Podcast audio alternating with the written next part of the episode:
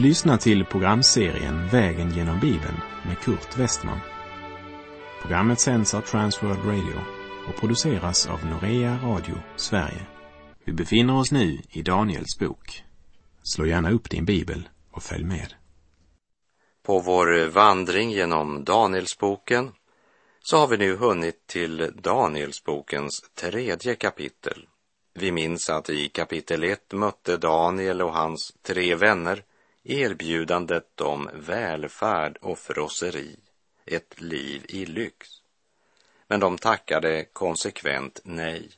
Här i kapitel 3 frestas de att inta en liberalare hållning till sin gudstro, en frestelse till kompromiss. Världen kallar det tolerans och vidsynt när saltet mister sin sälta. Men låt oss följa dessa unga judiska män som så konsekvent sa nej när de mötte den första frestelsen att svika sin Gud. Vi läser Daniel kapitel 3, verserna 1 och 2.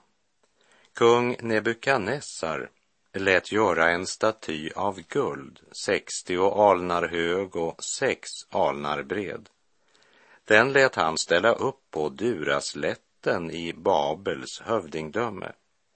Sedan sände han bud och kallade samman satraper, landshövdingar och ståthållare, fogdar, skattmästare, domare, lagtolkare och alla andra makthavande i hövdingdömena för att det skulle komma till invigningen av den staty som kung Nebukadnessar hade låtit ställa upp. Vi ska på vår vandring genom kapitel 3 se hur Guds fruktan driver bort all annan fruktan och att verkligt fri, det är endast den som till hundra procent är beroende av Gud. Man räknar med att det gått cirka 15 år, möjligen något kortare tid, möjligen något längre. Men låt oss säga cirka 15 år sedan Nebukadnessars dröm i kapitel 2, som vi talat om i de två föregående programmen.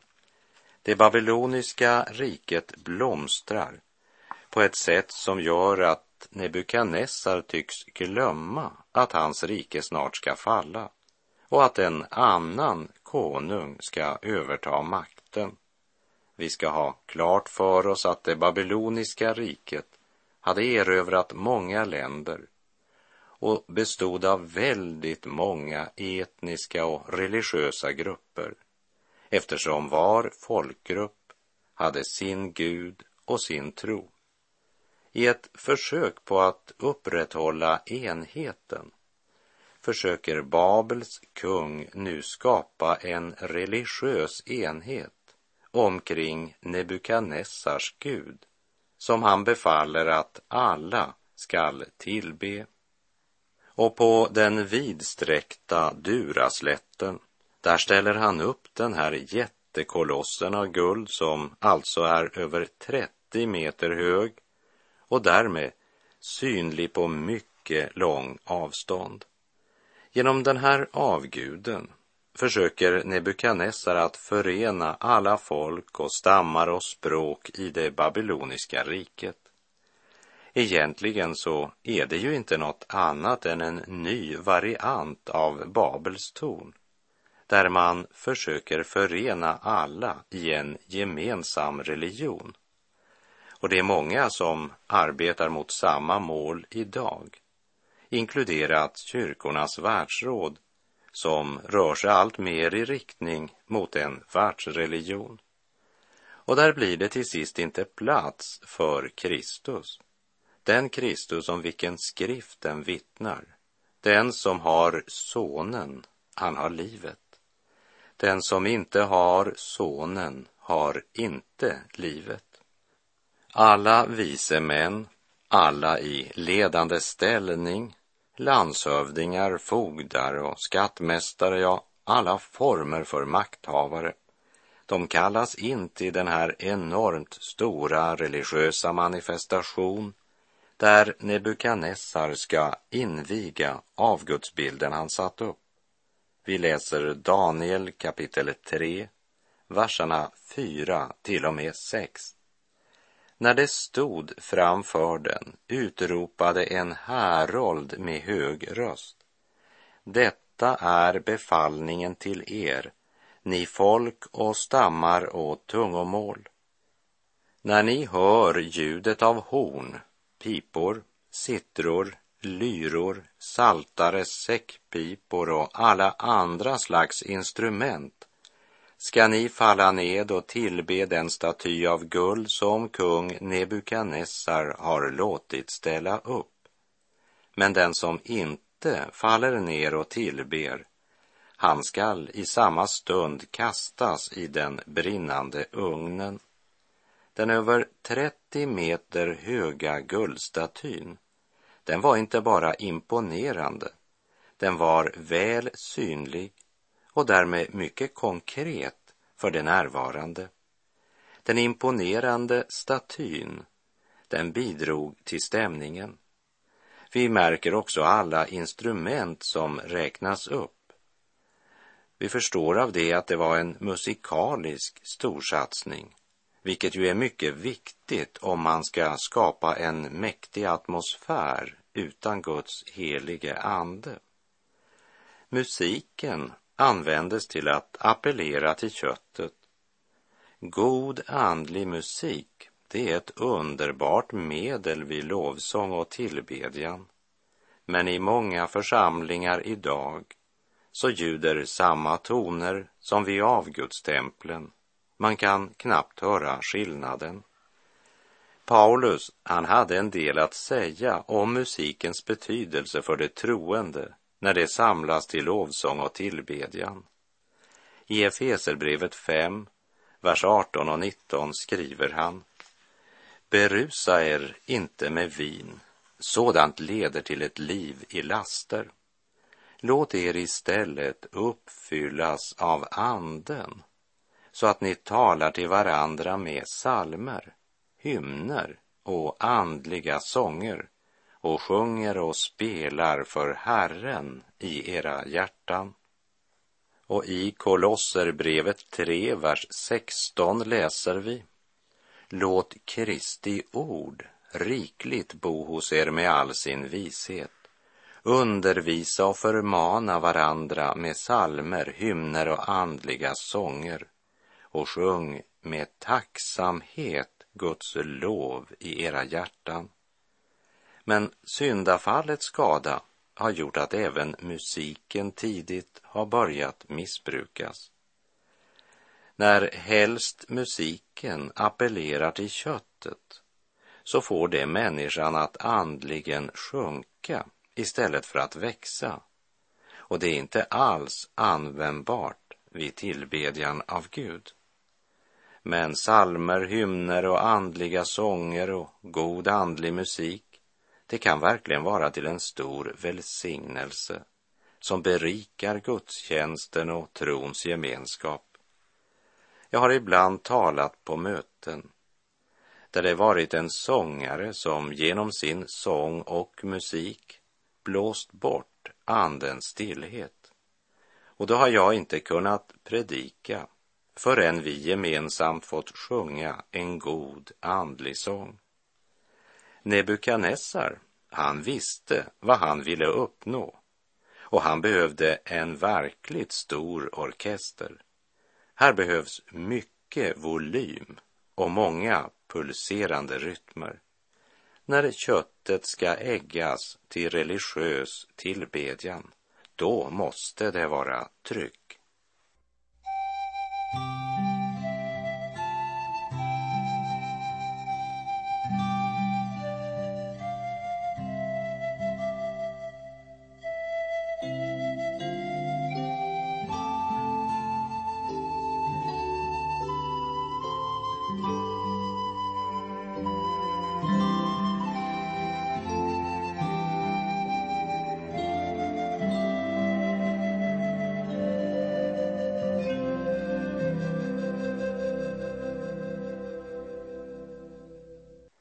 Trots alla förberedelse och den imponerande propagandan kunde det ju vara någon som inte lät sig imponeras av den mer än 30 meter höga guldstatyn och inte heller lät sig fångas av den förföriska musikens pulserande rytmer. Så det var nog bäst att redan från början göra klart för alla vad som skedde med den som vägrade vara med på denna likriktning av tron som Nebukadnessar lanserat. För säkerhets skull så kungör han att den som inte faller ned och tillber, han ska i samma stund kastas i den brinnande ugnen. Tillbedjan, det är framför allt något som sker i hjärtat. Man kan tvinga kroppen att böja knä, men hjärtat kan inte tvingas. Så denna religiösa rörelse i Babel rör sig om ritual och ceremonier, yttre former man följer. Vi ska lägga märke till här i Daniel kapitel 3 att det är inte förbjudet att tillbe andra gudar än Nebukadnessars guldstaty.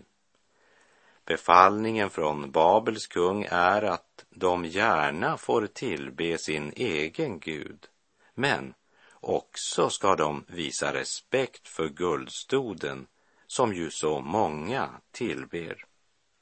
Tro gärna på, på din Gud, men var tolerant mot andras tro. Det vill säga, de måste visa samma respekt för Babels gyllene bildstod. Du behöver inte alls förneka din Gud men var också med på sådant som är viktigt för andra, det vill säga var gärna troende, men gör det inte onödigt svårt för dig. Var inte så fanatisk. Tro på Gud, men var klar över att vi lever i en annan tid nu. Var lite diplomatisk. Du kan väl kompromissa lite grann. Första stegen att försöka förföra Jerusalems kungabarn började i kapitel 1. Inte med tortyr, hot eller krav om att förneka Gud. Nej, det började med lite högre levnadsstandard, goda villkor för köttet, bättre tider.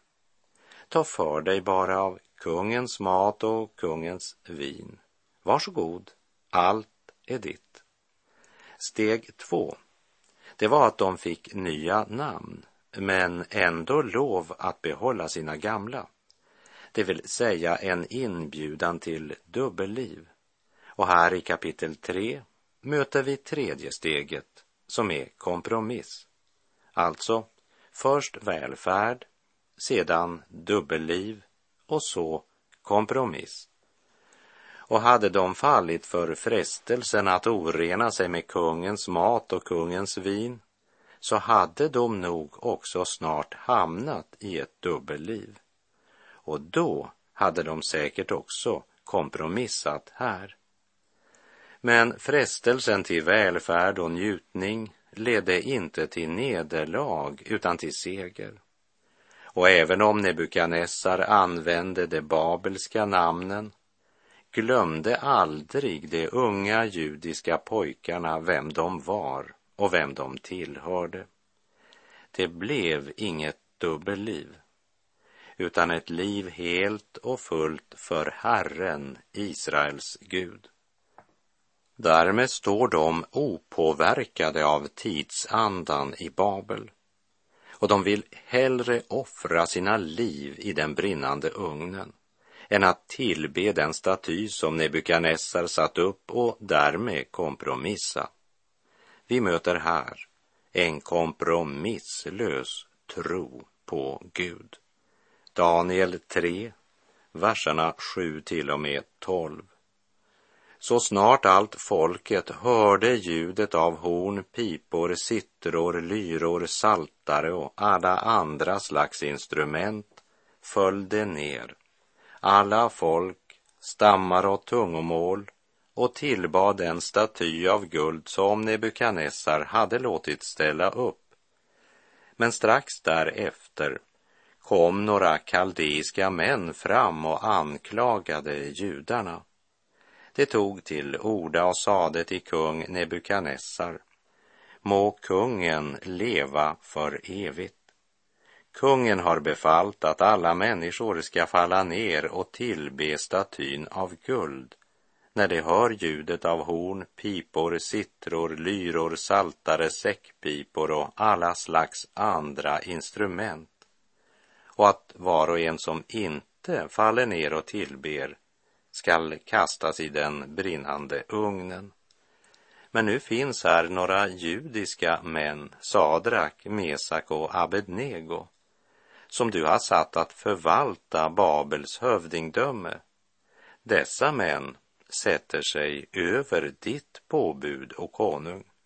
De dyrkar inte dina gudar och tillber inte den staty av guld som du har låtit ställa upp.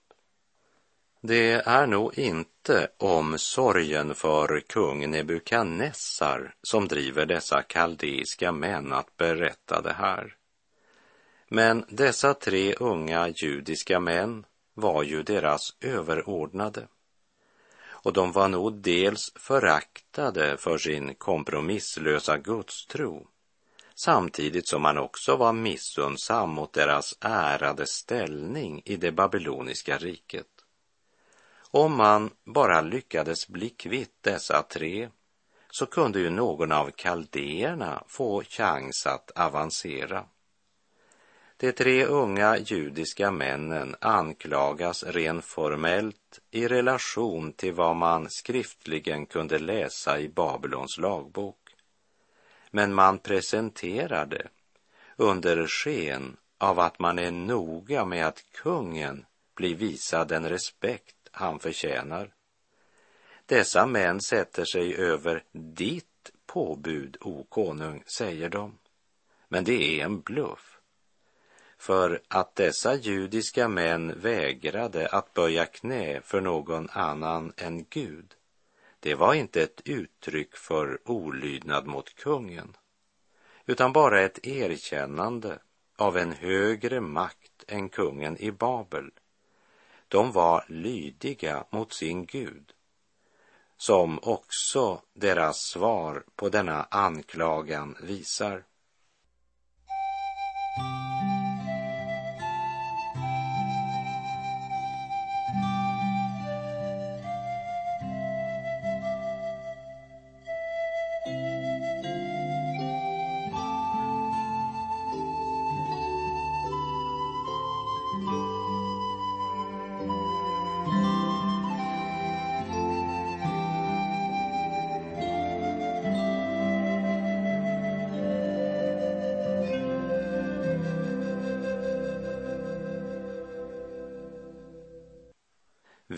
Läser Daniel kapitel 3, verserna 13 och 14. Då befallde Nebukadnessar i vrede och förbittring att man skulle föra fram Sadrak, Mesak och Abednego. När man hade fört fram dem inför kungen sade Nebukadnessar till dem, är det sant att ni, Sadrak, Mesak och Abednego, inte dyrkar mina gudar och inte tillber den staty av guld som jag låtit ställa upp. Diktatorn kände sig förolämpad av de tre män som vågat trotsa hans förbud. Samtidigt så hade han ju inte lust att förlora någon av de få arbetare som han kunde lita på. De hade säkert inte tänkt över konsekvenserna, inte tänkt på vad det kunde kosta dem. Men blir de ställda inför Nebukadnessar personligen så tar de nog sitt vett till fånga och böjer knä för statyn. Nebukadnessar är beredd att se mellan fingrarna eftersom de nu inför alla närvarande säkert är redo att tillbe guldstatyn och därmed visa Nebukadnessar tillbörlig respekt. Vi läser Daniel kapitel 3, verserna 15 till och med 18. Allt är nu väl om ni faller ned och tillber den staty av guld som jag låtit göra. När ni hör ljudet av horn, pipor, sittror, lyror, saltare, säckpipor och alla slags andra instrument. Men om ni inte tillber, då ska ni i samma stund kastas i den brinnande ugnen. Och vilken Gud ska då kunna rädda er ur mina händer? Då svarade Sadrak, Mesak och Abednego kungen. O, Nebukadnessar, vi behöver inte svara dig på detta. Om det blir så är vår Gud som vi dyrkar mäktig att befria oss ur den brinnande ugnen och att befria oss ur din hand, o konung. Men om inte, så ska du veta, o konung, att vi ändå inte dyrkar dina gudar och att vi inte vill tillbe den staty av guld som du har låtit ställa upp. De tre judiska männen säger inte som kaldéerna, må kungen leva för evigt, utan de säger, O Nebukadnessar, vi behöver inte svara dig på detta. Det är som om de säger, det är inte oss du anklagar. Det är vår Gud och vi behöver inte försvara honom. Han ska nog svara dig på sitt sätt det kan du lita på. Och vi tror inte på Gud för att han ska befria oss. Vi tror på Gud och lyder honom därför att han är den ende sanne Gud. Han är mäktig att befria oss från den brinnande ugnen, om det är hans plan. Men vi är inte säkra på vad som är hans plan i den här saken. Kanske vi ska förhärliga Gud genom att ge våra liv. Vad Gud väljer vet vi inte, men en sak vet vi och det är att vi tillber inte någon annan än Gud.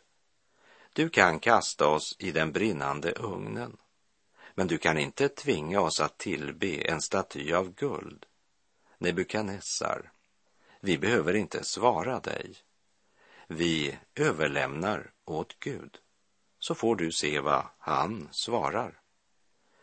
Guldstatyn i Daniels tredje kapitel har något gemensamt med vilddjuret i Uppenbarelsebokens trettonde kapitel, om vilket det står och man tillbad vilddjuret och sade, vem är som vilddjuret och vem kan strida mot det? Som det står i Johannes uppenbarelseboken 13, vers 4. Kravet är detsamma. Ingen får vara annorlunda, utan man kräver en religiös likriktning som alla måste böja sig för. Både i Daniel 3 och Uppenbarelseboken 13 möter vi sextalet Människan blir ju skapad på den sjätte dagen och i sex dagar ska hon utföra sitt arbete.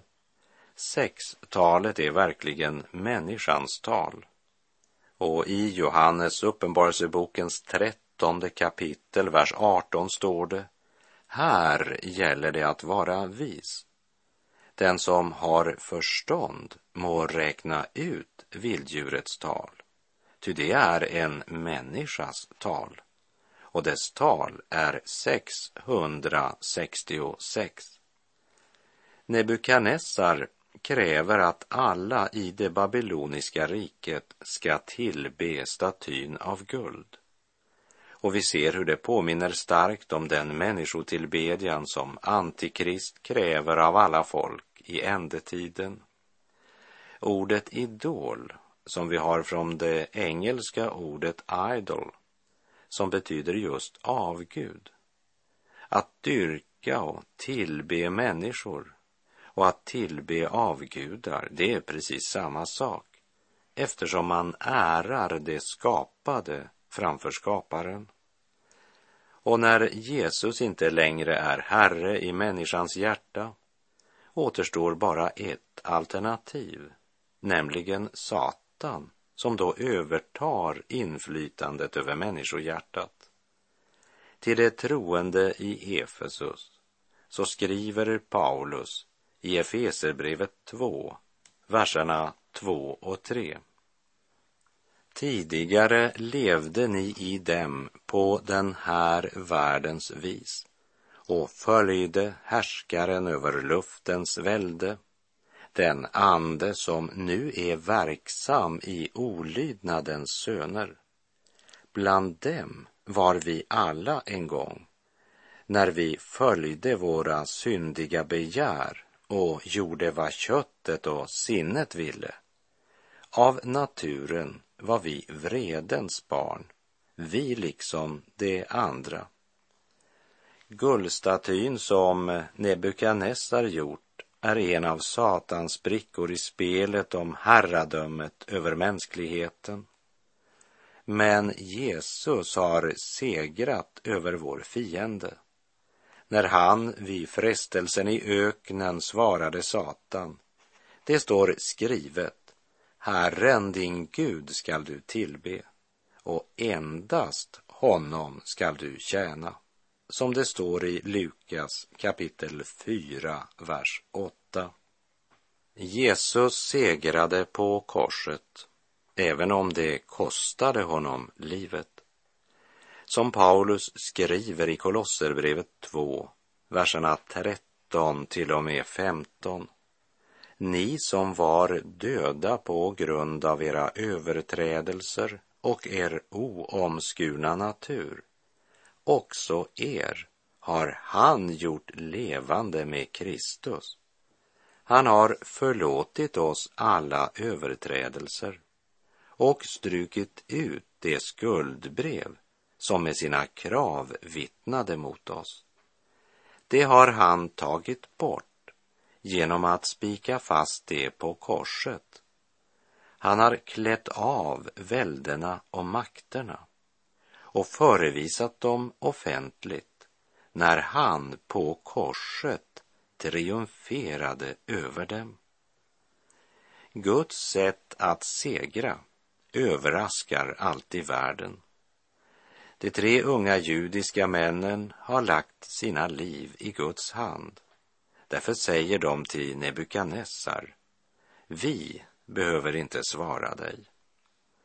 Och med det så är vår tid ute för den här gången så ska vi i nästa program följa dessa tre unga män in i den brinnande ugnen och få höra vad Gud svarar Nebukadnessar.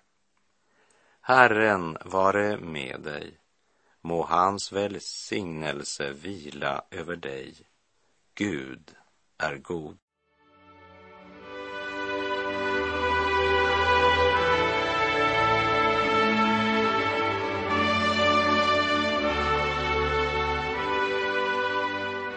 Du har lyssnat till programserien Vägen genom Bibeln med Kurt Westman som sänds av Transworld Radio. Programserien är producerad av Norea Radio Sverige. Om du önskar mer information om vårt radiomissionsarbete så skriv till Norea Radio Sverige, box 3419 103 68 Stockholm. Adressen är alltså Norea Radio Sverige box 3419. Postnumret 10368 Stockholm.